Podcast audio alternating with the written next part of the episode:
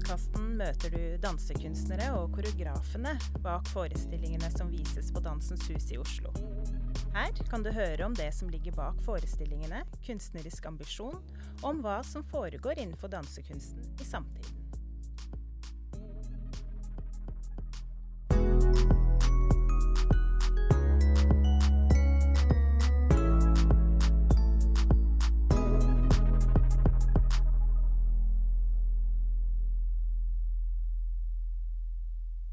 Welcome, Ioanna Paraskevopoulou.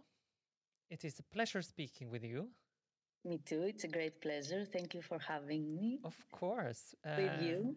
Yes, you will be here in like two weeks dancing for us. Yes, Yeah. I'm excited. Yes. I love Oslo. I have been in Dansens Hus before with uh, uh, Christos Papadopoulos as a Mm. dancer.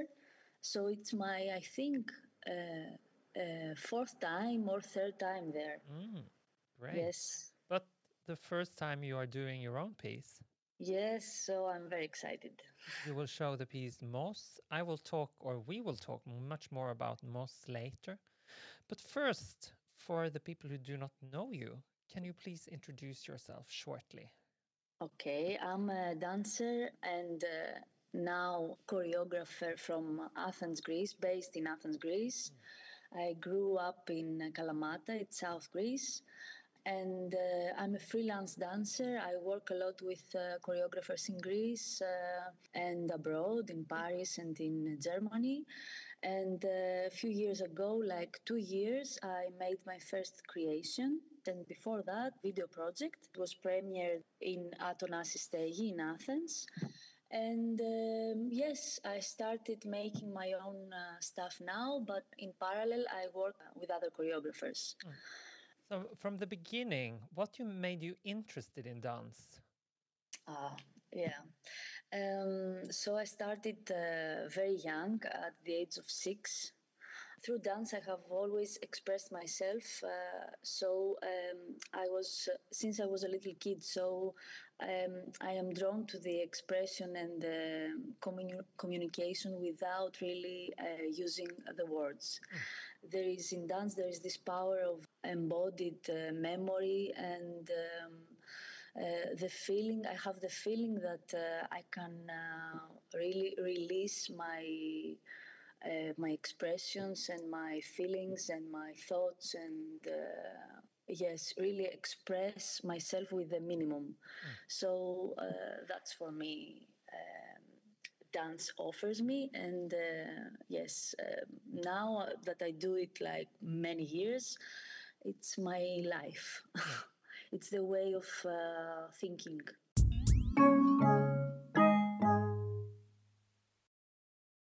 And you are currently studying audiovisual arts. yes What made you go into audiovisual art studies? Yes. Um, I wanted uh, to study something related to the image because uh, I've always been interested in the in the image and the photography.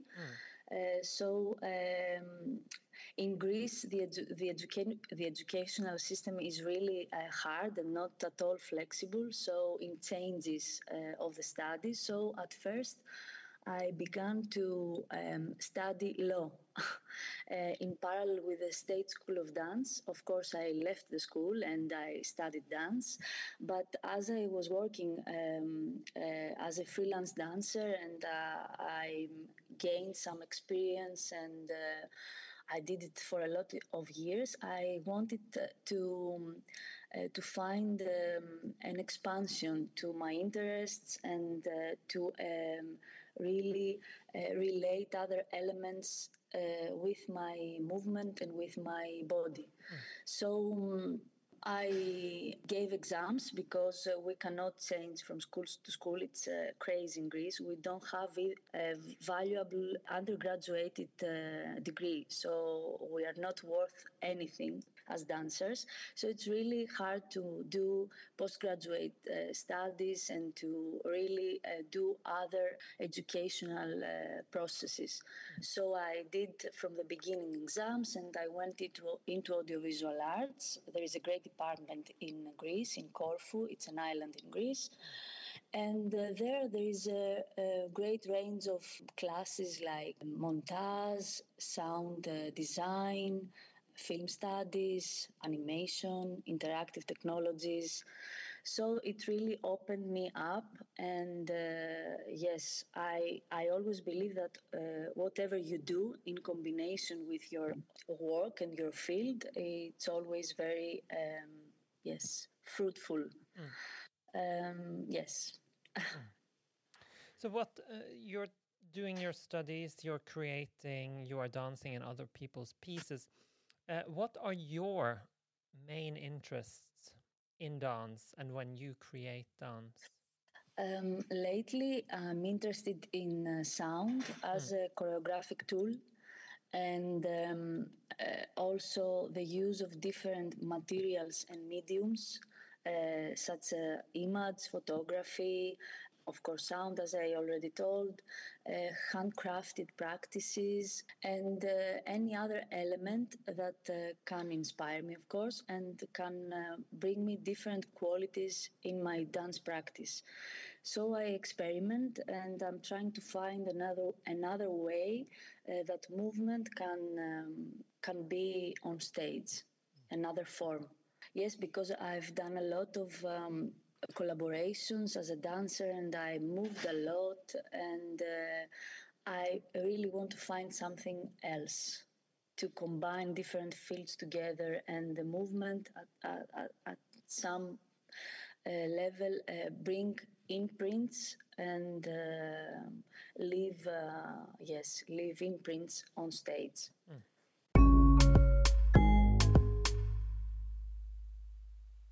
You do this with the performance Moss. Yes. How did this performance come about? Yes, so um, during pandemic, I was studying uh, audiovisual arts, and during one course, it was montage. I saw a video on YouTube uh, with um, Foley artists uh, doing their job, mm. which is that um, they recreate the sound of the movies in the post production stage of uh, films, of mm. film production. So um, I immediately uh, told my told myself that uh, I wanted to do this, uh, to experiment with this idea, mm. um, because I found the relationship with the image and the sound wonderful, mm.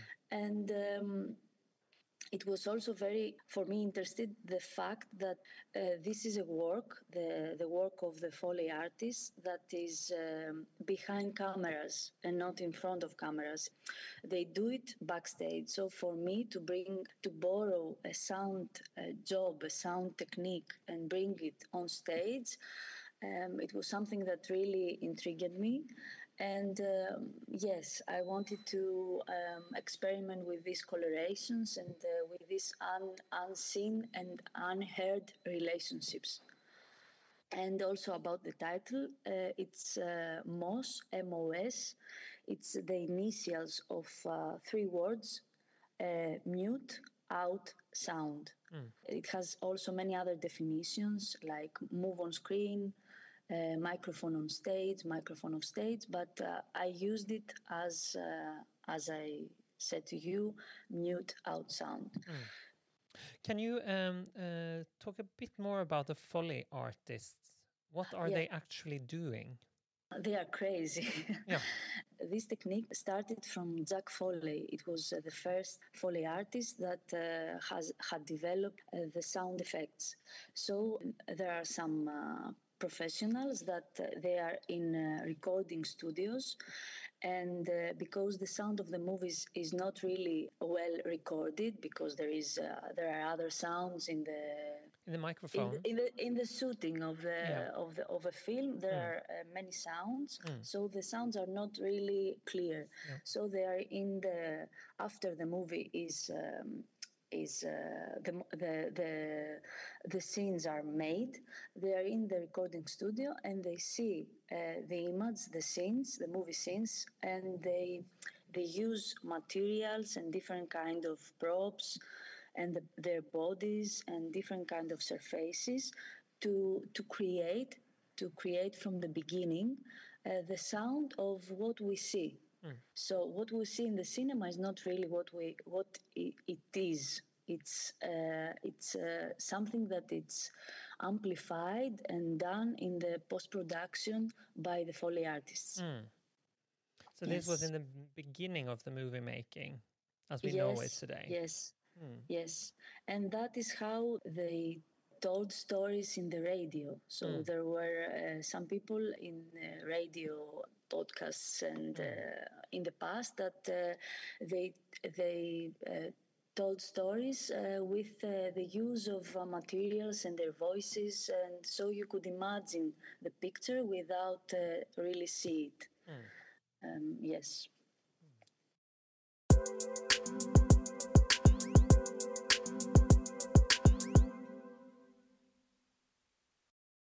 Welcome, Lovísa Ósk Gunnarsdóttir. It is such a pleasure speaking to you on a regular Monday. I hope you're yeah. doing well. I am doing very well, thank you. It's a pleasure speaking to you too.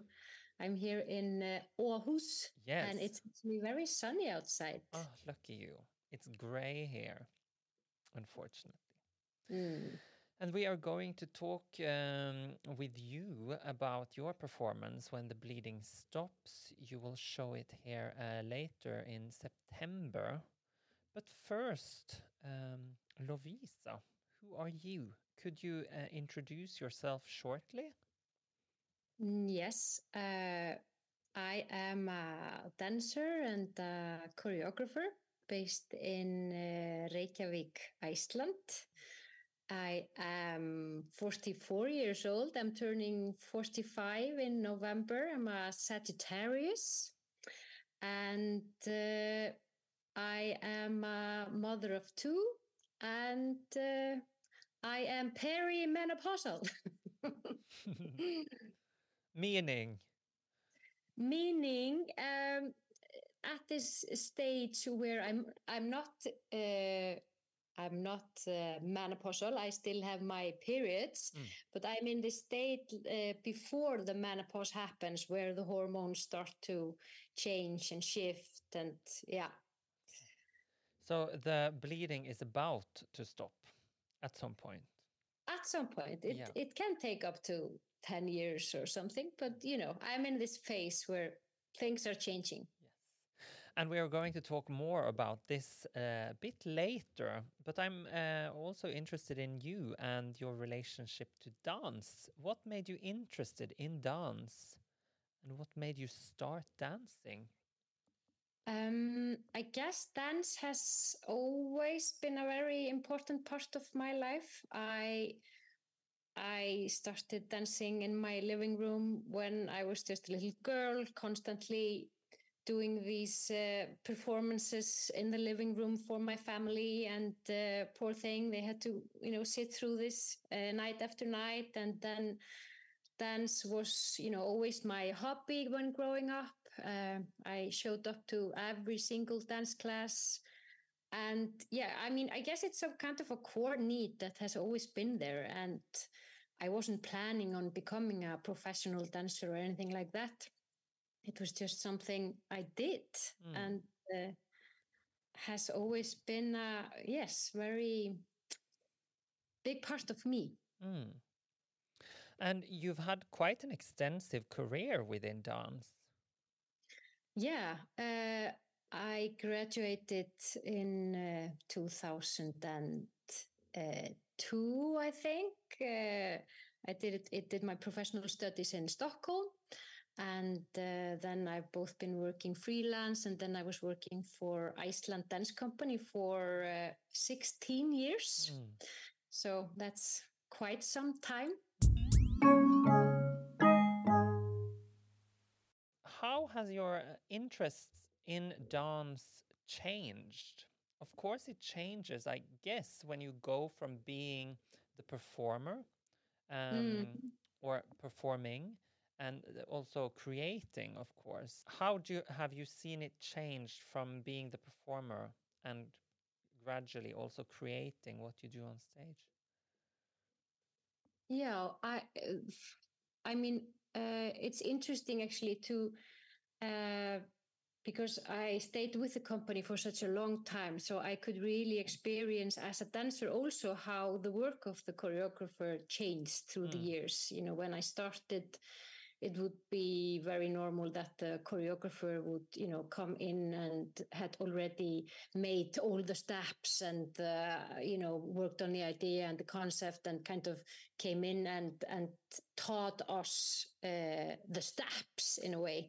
Uh, and then it kind of sh- shifted to to the the dancer uh, uh, being much more involved in the creative process and uh, and the dancer being used as uh, you know to produ- produce content and uh, so uh, and this going from being a dancer to becoming a, a choreographer uh, that was also one of the things uh, like dance this kind of just happened mm. i wasn't maybe planning on starting a career as a choreographer but uh, i injured myself and I I kind of created this uh, daily routine to get me back on my feet, and then I become became very interested in in how I could uh, connect uh, to all this, uh, connect to my body, and connect to all the knowledge and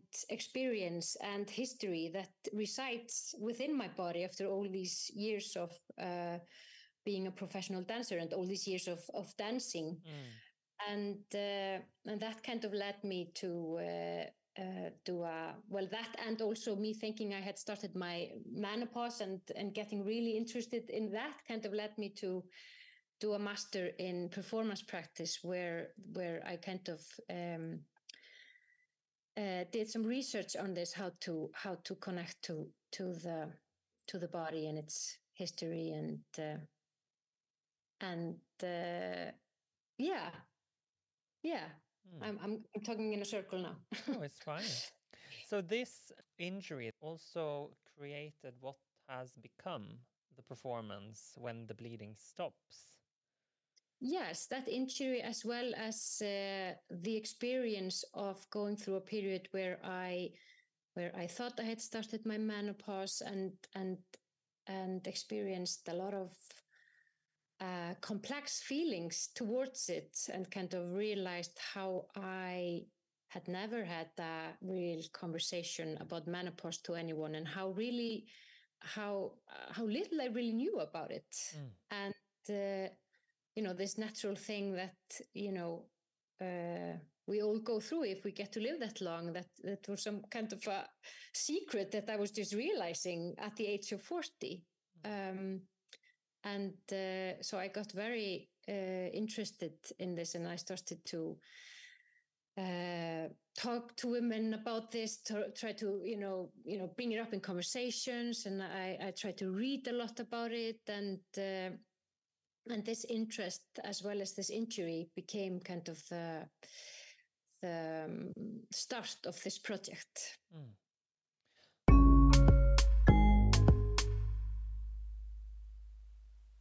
How does the menopause affect the dancing body? Um, that's a good question. Uh, I mean, obviously, um, I mean, um, I don't know if it if it's if it's if we can call it the menopause or just the aging body. Of course, it it it it has a a great impact on the body and uh, you feel your body changing you feel your and of course then it's very personal from w- woman to woman how they experience menopause. Some go through it without feeling anything while others have a hard time coping with the symptoms. So i guess maybe there is no one answer to this question but but this uh, just this uh, fact of uh, aging and have being in a body that is changing mm. and then to add on this uh, taboo and stigma surrounding menopause in our uh, western society is, is maybe not uh, the best mix mm.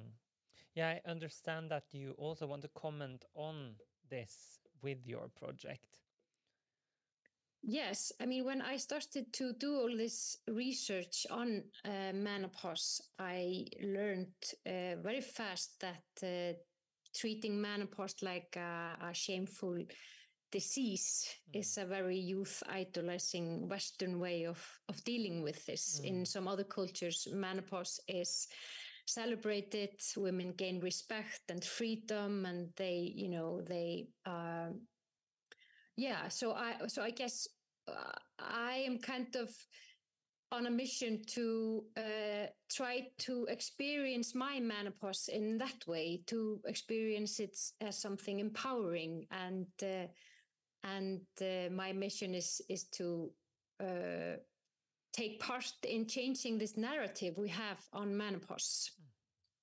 Mm. Uh, yeah, and to kind of change it into something, uh, change it into a celebration. Yeah.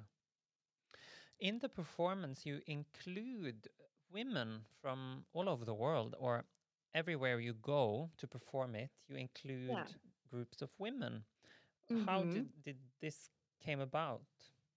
Come about? Um, so uh, it started just in Iceland in my local community, mm. uh, but then I I was reading uh, about some research that uh, indicated that uh, it was also it was it was not the same the the symptoms women describe during menopause is, different between also cultures mm. and i was just i was i guess i was interested in uh, seeing um, how your society how your society speaks about menopause and deals with menopause how that affects you as a menopausal woman you know mm. what um, what uh, does that do to you uh, how it and, and and and just i was also curious to see how different cultures uh, deal with it mm. and uh,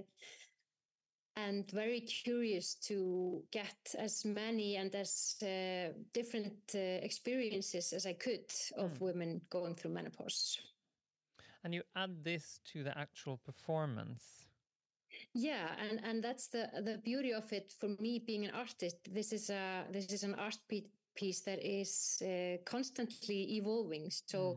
I work with uh, menopausal women in each place uh, before arriving, where I kind of gather stories and and videos, their daily dances from their living rooms, uh, and uh, before I perform it in each place, I I kind of um, you know I incorporate those some of those stories and experiences and videos to the performance. So I've had to, you know, and also just the the uh, the research and the and the conversation on menopause is also changing. So I've been doing this project now for five years, mm. and I've had to, you know, uh, change my monologue few times in terms of you know there are just new research and there's new there are new trends and mm. uh, there's new conversations co- conversation going on so in that sense it's a very uh, an artwork that's very alive mm.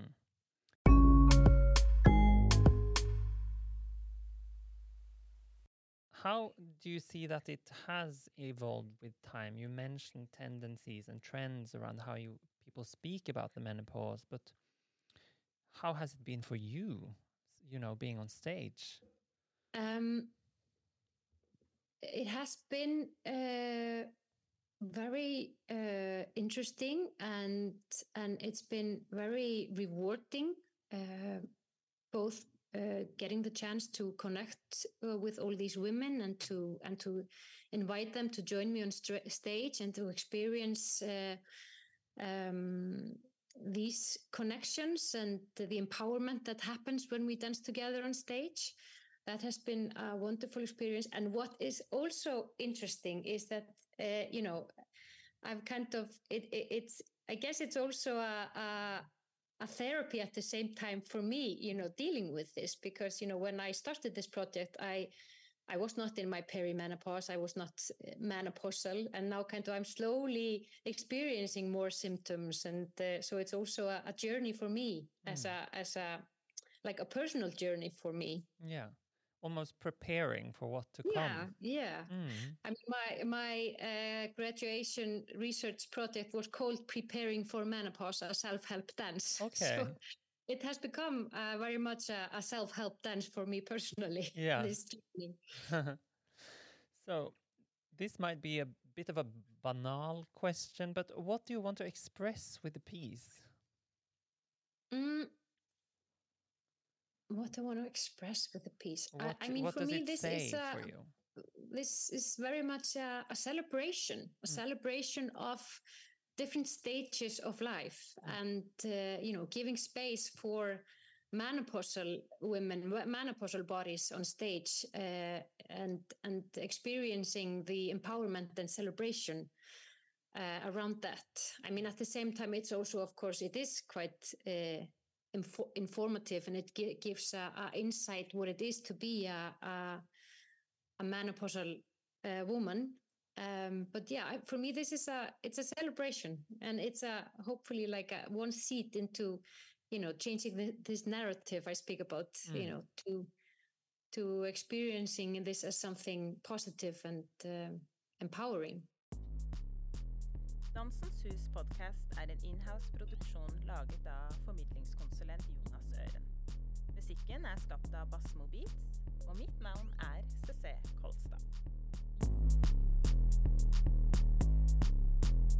Thank you.